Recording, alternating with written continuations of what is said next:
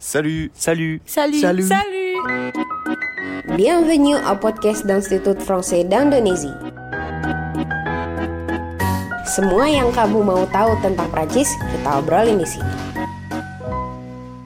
Bonjour, salut. Selamat datang di podcast kesayangan kamu, podcast Salut. Dan di sini kita selalu pastinya ngomongin seputar eh, Prancis ya, gengs ya. Eh, balik lagi nih sama gua Azizi. Nah, teman-teman tahu nggak nih kalau banyak banget kegiatan yang ada di ranah industri kreatif di sekitar kita yang eh, bisa mendorong perekonomian juga ya. Makanya kayak kalau di Indonesia kita punya eh, parekraf sekarang namanya. Nah, eh, hal ini tuh bersamaan dengan pemerintah Indonesia juga yang sedang giat-giatnya memajukan industri ekonomi kreatif.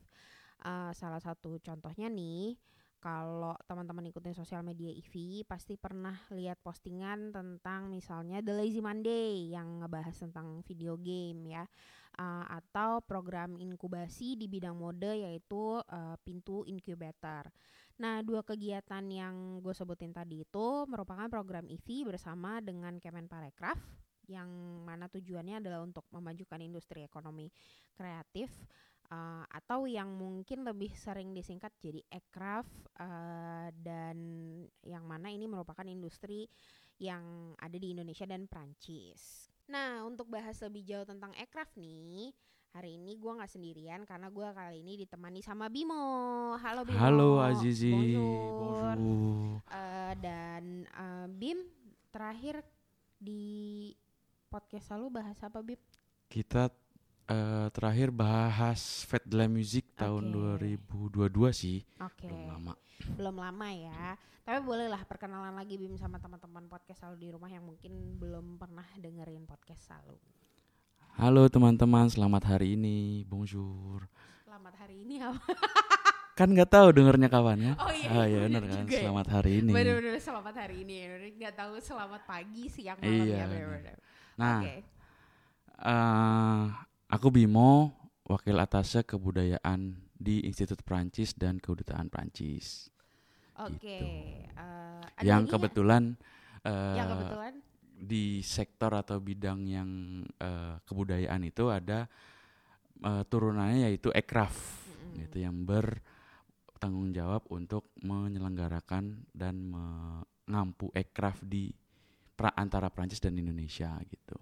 Oke Bim langsung aja nih. Nah, eh, gimana sih keterlibatan IVI sendiri dalam aircraft eh, baik di industri aircraft Indonesia maupun Prancis? Ekraf ini sendiri kan sebenarnya baru baru dius baru apa ya baru digadang-gadangkan Mm. sama ba- berbagai macam negara kan beberapa tahun belakangan ini tuh Mm. nggak sampai 10 tahun sih kayaknya ya kalau Iya, nggak nggak salah. Heeh. Nah, eh, Perancis sendiri eh, melihat potensi itu sebagai eh, apa ya namanya eh, titik temu ekonomi Oke. antara Indonesia dan Perancis gitu. Tapi memang di IVI sendiri itu sifatnya bukan sebagai pelaku ekonomi, tapi eh, apa ya namanya pe- stim ya penyambung penyambung, lidah, iya ya. betul, menstimulus atau ngasih jembatan lah betul, Mm, benar-benar. ngasih jembatan ekraf. Kalau di Perancis sendiri namanya indus- industrie culturelle et créative. Jadi lebih memang langsung bilangnya langsung eh, sebutannya termnya memang langsung industri gitu. Jadi memang eh, konsentrasinya adalah gimana caranya eh, sektor ekonomi eh, sektor kreatif ini diindustrikan sih sebenarnya gitu. Oke. Nah di IVI sendiri kan em, ada empat sektor ya yang kita dukung nih, yang mungkin bisa dibilang kita lebih eh, apa namanya fokusin ke sana yaitu ada audiovisual, eh, video Mhm. game, desain dan eh, mode. Kenapa sih Bim? Eh, boleh dong kasih tahu sama teman-teman di rumah kenapa kita lebih memfokuskan ke empat sektor ini? eh satu sebenarnya eh, itu datangnya dari memang dari Paris sendiri. Eh, sektor-sektor mana aja yang memang jadi prioritas eh, ekonomi kreatif yang kita kerjakan di Indonesia gitu. Terus eh, dan kenapa juga kriterianya karena memang kalau untuk bidang lain sepertinya memang sudah eh, punya gini s- sudah punya apa ya namanya ya infrastruktur dan dan kelengkapan yang cukup untuk eh kita biarkan bukan biarkan apa ya namanya ya eh, bisa, untuk untuk bisa jalan sendiri. Iya, betul. untuk bisa berkembang sendiri. Nah, kalau di empat sektor ini memang di Indone- di Indonesia Perancis itu nggak terlalu terlihat gitu. Oke. Empat sektor itu kan ada eh, aud- sinema atau audiovisual, ada game video, ada mode atau fashion, ada desain gitu. Desain di sini bukan desain desain mode ya, desain dalam arti lebih luas, ada desain produk, Ya. desain grafis dan segala macam yang eh, bisa masuk ke dalam desain gitu. Oke, nah berarti eh, lebih karena ke kalau eh, mungkin bisa dibilang eh, Prancis ingin mengua- lebih menguatkan em, image-nya gitu kali ya Betul. di Indonesia eh, dari empat sektor ini gitu karena Betul. mungkin sektor-sektor yang lain udah cukup terlihat gitu ya. Dan potensi ekonominya di empat sektor ini kan memang sangat besar Betul. di Indonesia. balik lagi ya tadi Uh-uh. sesuai namanya ekonomi Mm. kreatif. Oke, eh, lanjut nih ya Bim. Nah mungkin kita bisa bedah satu-satu nih. Nah gue mau mulai dari eh, sektor audiovisual. Untuk eh, dari IVI sendiri ada langkah-langkah atau program apa aja sih yang digadang-gadang nih untuk eh, di sektor ini untuk memajukan industri ekonomi kreatif. Dari sisi ekonomi kreatifnya sendiri ya sebelum kit, sebelum gue masuk ke sisi publik. Iya betul. Jadi dari sisi ekonomi kreatifnya itu kan berarti harus yang harus dikerjakan adalah pelaku-pelaku industrinya sendiri. Pelaku-pelaku industrinya sendiri kita sudah sejak 2019 itu kita me, apa ya mendukung teman-teman distributor independen atau eh, filmmaker-filmmaker untuk bisa eh, kalau dari sisi distributor setidaknya untuk bisa membeli film Prancis yang baru keluar atau yang memang potensial ditayangkan di eh, layar lebarnya Indonesia. Terus juga dari sisi eh, SVOD platform eh, video on demand kayak eh, yang kita kenal macam-macam deh.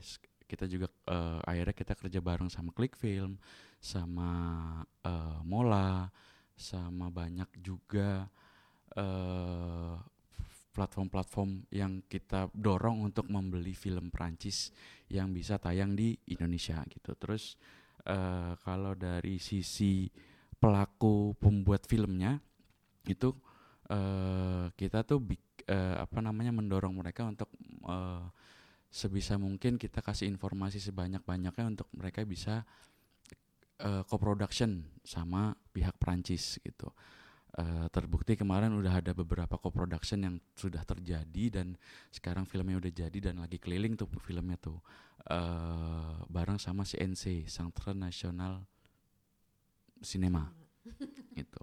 Terus abis itu em, eh, kalau dari untuk publiknya sendiri kita kan harus juga menayangkan panorama atau me- me- me- me- menampilkan showcasing lah, memamerkan produk eh, produk-produk Si produk filmnya filmnya gitu sendiri. ya. lewat film lewat program reguler ada IV film yang kita tayangin minimal satu kali atau dua kali seminggu. Setiap setiap minggunya eh, sepanjang tahun ada juga yang memang eh, kita konsentrasikan sebagai festival sinema gitu. Eh, bedanya apa? Bedanya adalah di festival sinema sendiri itu eh kita kerja bareng sama Mola dan itu festival sinemanya kita bikin eh, luring dan daring gitu. Terus eh, kenapa juga kita tetap harus bikin festival sinema? Karena untuk juga mengasih tahu ke publik bahwa ini ada satu momen yang kita bisa nonton festival eh sorry bisa nonton film-film Prancis secara gratis dan eh, berkualitas gitu sih. Benar, benar, benar, benar.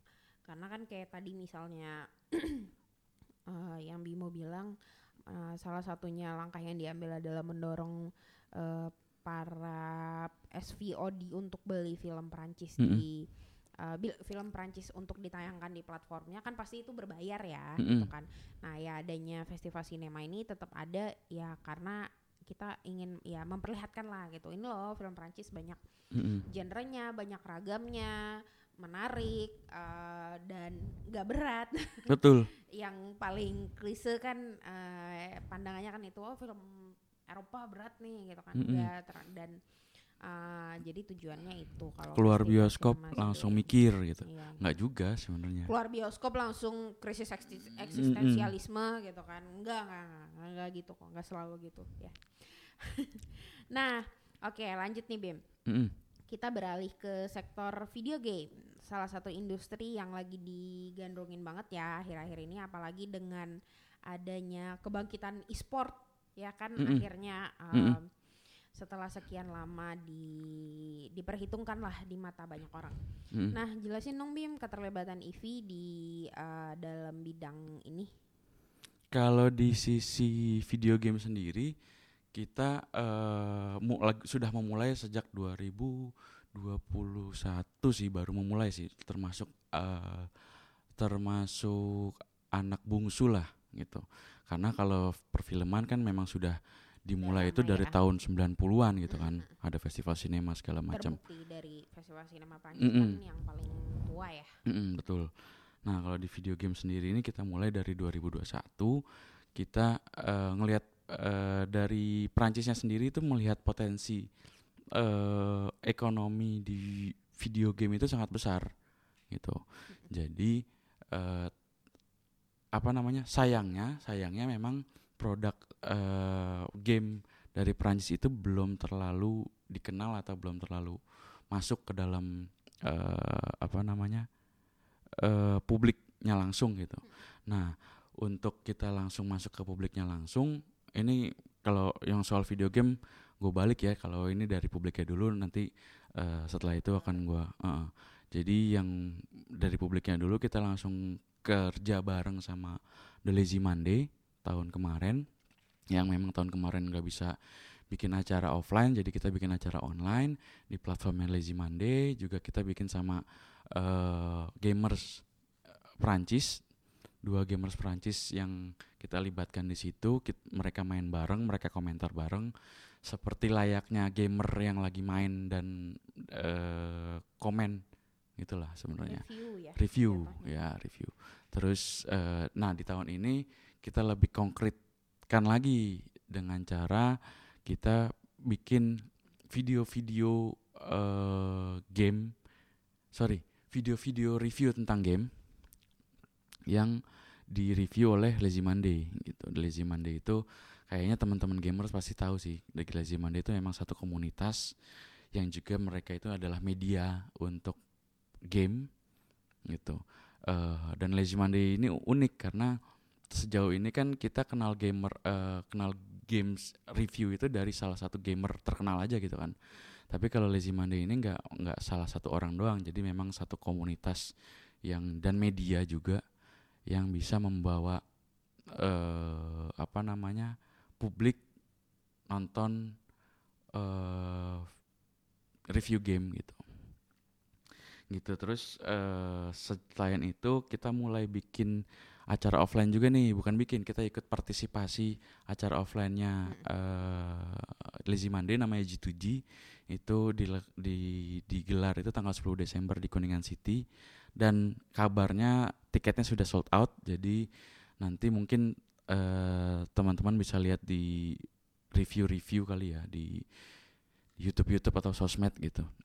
Eh, itu. Terus eh, untuk dari sisi eh, ekonomi atau pelakunya sendiri kita sejak lama itu kerja bareng AGI Asosiasi Game Indonesia yang mana memang itu juga sedang jadi apa namanya ya eh, jadi prioritas dari pemerintah Indonesia juga yang eh, setiap tahunnya sekarang bikin summit atau pertemuan eh, apa ya operator atau atau pelaku pelaku industri video game gitu gitu eh ya itu sih dan nggak cuma sama Agi kita kerja bareng juga sama Business France karena mau bagaimanapun EV itu tidak bisa melakukan apa ya eh, kegiatan ekonomik atau menjadi pasar. Jadi kita harus tetap menggandeng bisnis France yang mana mereka itu adalah pintu masuk dari uh, Perancis yang misalnya studio entah developer game dari Perancis itu ketika mau masuk uh, berbisnis di Indonesia itu lewatnya bisnis France itu. Nah itu dia tadi uh, sekilas nih tentang keterlibatan EV di sektor video game untuk industri ekonomi kreatif ya. Nah uh, selanjutnya kalau nggak salah kan uh, kita juga punya program inkubasi di industri mode ya mm-hmm. uh, dengan namanya pintu incubator. Mm-hmm. Nah, boleh dong Bim dijelasin sama teman-teman di rumah um, keterlibatan IVI untuk uh, di sektor mode nih, uh, well uh, termasuk pintu incubator. Nah, selain pintu incubator juga ada apa lagi kira-kira? Oke. Okay. Uh, dari sisi atau sektor mode itu, uh, gue balik dulu lagi. Kita dari publiknya itu kita sebisa mungkin hadir di eh, acara-acara atau event atau kegiatan yang diselenggarakan sama partner-partner lokal di Indonesia.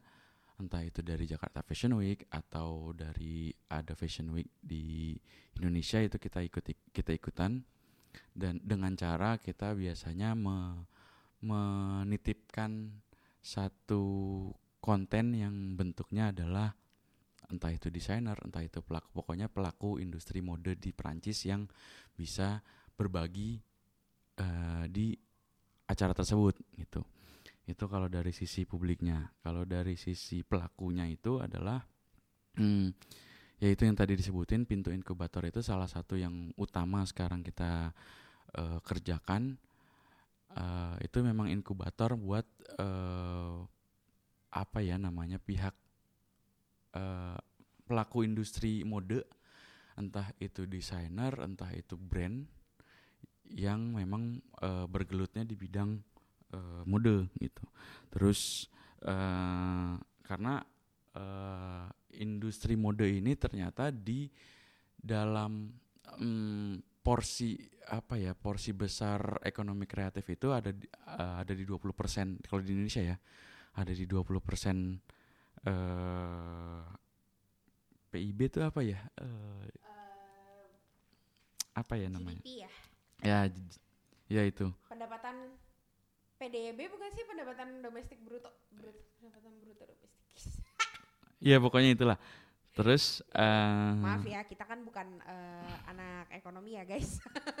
Iya dan tercatat itu dan uh. tercatat uh, tahun 2021 aja 9,3 miliar dolar uh, untuk sektor mode gitu karena okay. mode ini kan melibatkan banyak banget uh, pihak juga nggak cuma desainer ada juga ya, uh, ya, pengrajin, pengrajin ha, ada penjahit ada macam-macam deh. Iya. gitu. Dari apa ya? Ya dari hulu ke hilir banget lah mm -mm. kalau mode itu. Mm -mm.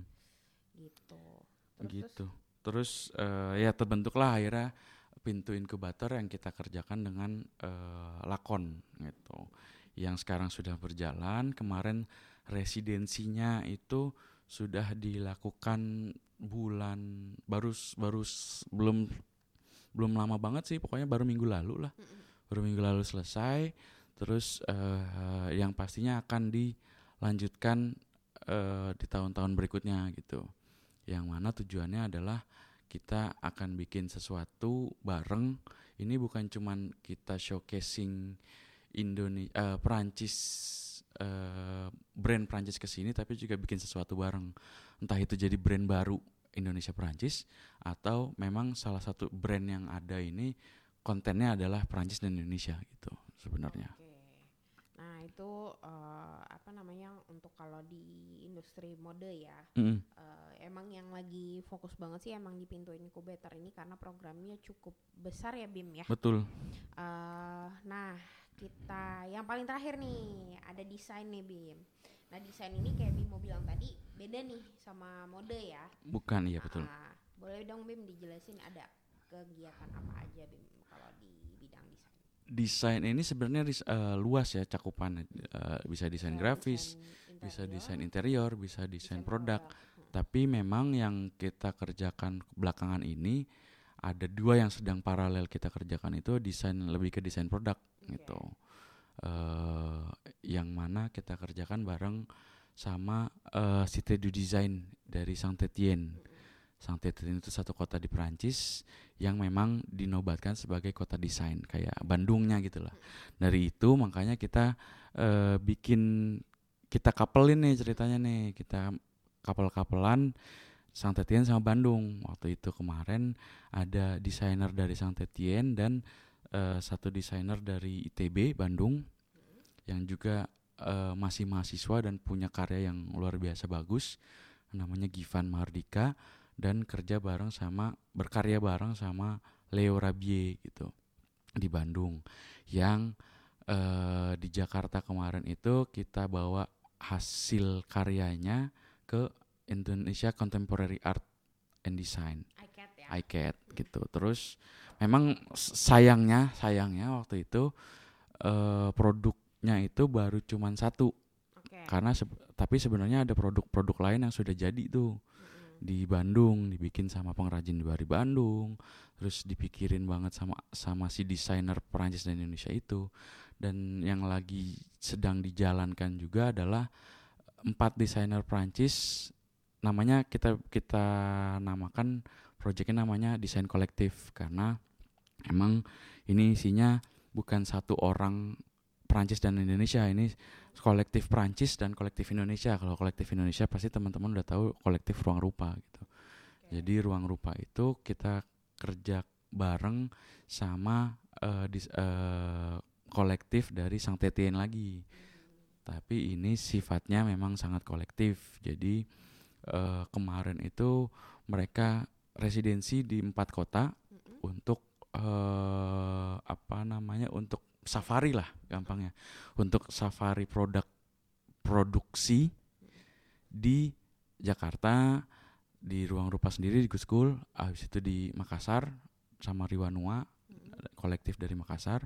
Setelah itu mereka balik lagi ke Jakarta dan habis itu ke Sukabumi bikin sesuatu bareng eh, yang memulainya dengan bikin tenda tuh kemarin tuh di Rekfest karena Re- eh, Rekfest itu eh, pengennya punya karya yang memang fungsional gitu Oke. karena untuk kebutuhan praktisnya Rekfest gitu Jadi selain bikin karya tapi fungsional juga gitu ya, bisa Mm-mm. dipakai juga ya. Kemarin kalau nggak salah tuh karyanya kayak eh, apa nama namanya Maison Balik. Maison Ballet ya Heeh. Eh, jadi karyanya eh, untuk supaya orang-orang bisa berteduh di situ ya. betul emang Karena pas kan, banget hujan mm, gede banget tuh di sana Dan karena emang di ya di seperti yang kita tahu Rekfest memang di alam terbuka ya Betul. biasanya begitu. Terus terus ada lagi nggak yang lain Bim? Hmm, kalau yang desain sih apa akan kita kembangkan terus sih ke banyak hal juga karena kayak kayak yang kayak misalnya si siapa namanya si Maison Ballet sendiri kan eh, desainnya lebih ke desain arsitektu- arsitektural juga kan? Iya, karena ada infrastruktur ada segala macam ada sistem sistem pembangunan juga segala macam yang eh, menggabungkan menggabungkan eh, material bambu dan besi gitu. Oke, nah udah habis. gitu Oke.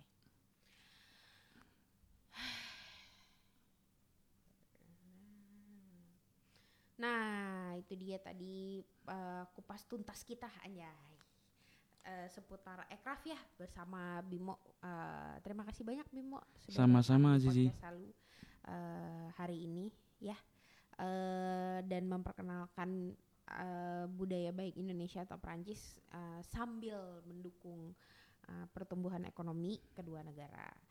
Nah, itu dia tadi uh, dengan ini selesailah podcast kita kali ini. Uh, jangan lupa kalau kalian punya kritik dan saran bisa langsung DM ke Instagram Nivi di @nivi_indonesia. Uh, langsung kasih tahu aja misalnya pengen undang siapa atau misalnya pengen bahas apa nanti kasih tahu kita. Uh, kita usahakan uh, akan kita bahas, oke? Nah, sampai ketemu di episode podcast selalu lainnya. Salut.